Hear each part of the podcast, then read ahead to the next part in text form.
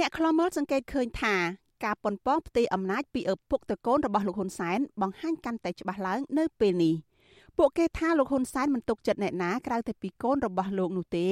ក្នុងការដឹកនាំប្រទេសជំនួសព្រោះខ្លាចត្រូវគេសើរើទោសកំហុសរបស់លោក ក្នុងពេលដឹកនាំប្រទេសអ្នកវិភាគនយោបាយលោកកឹមសុខយល់ថាវៀតណាមដែលជាចៅហ្វាយចាស់របស់លោកហ៊ុនសែននោះ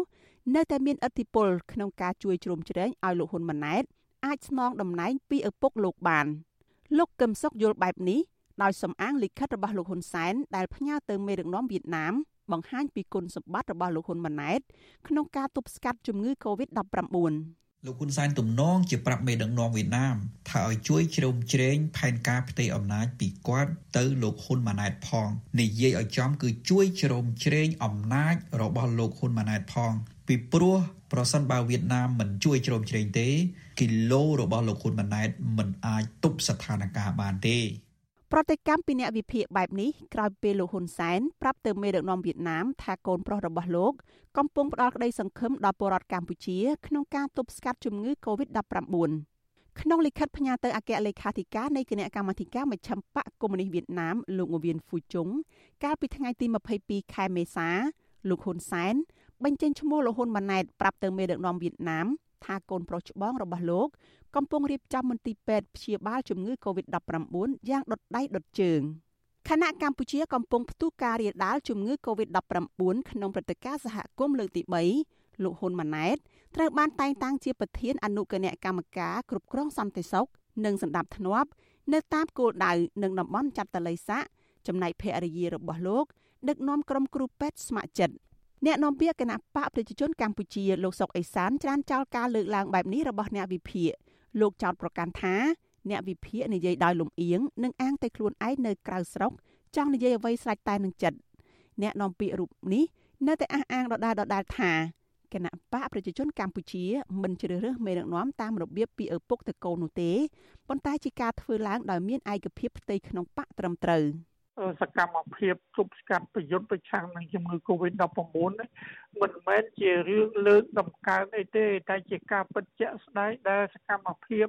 ឯដំហ៊ុនម៉ាណែតលោកបានធ្វើយ៉ាងសកម្មអ្នកណាក៏ឃើញដែរអញ្ចឹងការធ្វើទាំងអស់នេះវាជាគុណសម្បត្តិដែលសម្ដេចតេជោសែនលោកតែងតែលើកសរសើរហើយនឹងឧទ្ទិសនាមដល់ប្រទេសជិតខាងជាមិត្តឲ្យដឹងផ្ទុយពីការអះអាងរបស់អ្នកនាំពាក្យបែបនេះ លោកហ៊ុនសែនដែលជាមេបកកណ្ដាលអំណាចបានប្រកាសថាលោកកំពុងជួយលោកហ៊ុនម៉ាណែតឲ្យក្លាយជានាយករដ្ឋមន្ត្រីរីឯប្រធានក្រុមប្រឹក្សាខ្លមើលកម្ពុជានៅប្រទេសណ័រវេលោកម៉ែនណាតលោកសង្កេតឃើញថាលោកហ៊ុនសែនកំពុងព្យាយាមផ្ដល់ឥទ្ធិពលឲ្យស្ទើរតែទាំងអស់ដល់លោកហ៊ុនម៉ាណែតឲ្យដោះស្រាយបញ្ហាជំងឺ Covid-19 ដោយមិនបានផ្ដល់ឱកាសឲ្យខ្សែស្រឡាយលោកសខេងលោកសៃឈុំធ្វើការទាំងនេះទេលោកបន្តថា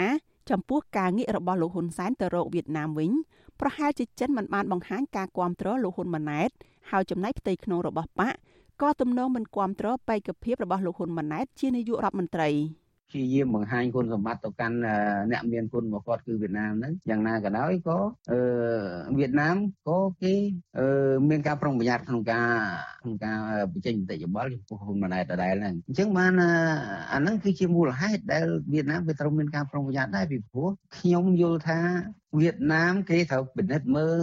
គុណសម្បត្តិហ៊ុនសែនសខេងម៉ែនសំអនដែលជាមនុស្សចំណាស់ចំណាស់របស់គេហ្នឹងហើយគេពិនិត្យមើលរឿងអស់ហ្នឹងដែរមុនតែគេវាយតម្លៃទៅឲ្យហ៊ុនម៉ាណែតនោះអាហ្នឹងវាអញ្ចឹងណាលោកហ៊ុនម៉ាណែតដែលជាកូនប្រុសច្បងរបស់លោកហ៊ុនសែនបច្ចុប្បន្ននេះមានមុខតំណែងរាប់មិនអស់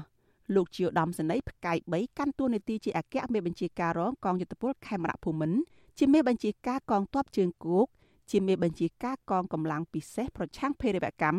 និងជាមេបញ្ជាការរងកងអង្គរៈលោកហ៊ុនសែនទាំងនេះបង្ហាញថាលោកហ៊ុនម៉ាណែតសឹងតែមានភារកិច្ចនិងទួនាទីច្រើនជាងរដ្ឋមន្ត្រីក្រសួងការពារជាតិទៅទៀតចំណែកនៅក្នុងគណៈបកប្រជាជនកម្ពុជាវិញលោកជាសមាជិកគណៈអចិន្ត្រៃយ៍ស្ថិតនៅក្នុងចំណោមមនុស្ស34នាក់ដែលជាក្បាលម៉ាស៊ីនដឹកនាំរបស់គណៈបកក្រៅពីនេះលោកក៏ជាប្រធានចលនាយុវជនដឹកនាំសមាជិកចំនួនក្រោយរបស់គណៈបកប្រជាជនកម្ពុជា ដែលភាគច្រើនជាកូនចៅរបស់មន្ត្រីចំនួនមុន តែបើទោះជាយ៉ាងណាមេដឹកនាំបកប្រឆាំងនិងអ្នកវិភាគលើកឡើងស្រដៀងគ្នាថាបើលោកហ៊ុនសែនហ៊ានលើកបន្ទប់ឲ្យលោកហ៊ុនម៉ាណែតដឹកនាំប្រទេសពេលណានឹងមានបកប្រហារក្នុងផ្ទៃគណៈបកកាន់អំណាចនោះភ្លាមដែរនាងខ្ញុំសុជីវីអាស៊ីសេរីរាយការណ៍ពីរដ្ឋធានី Washington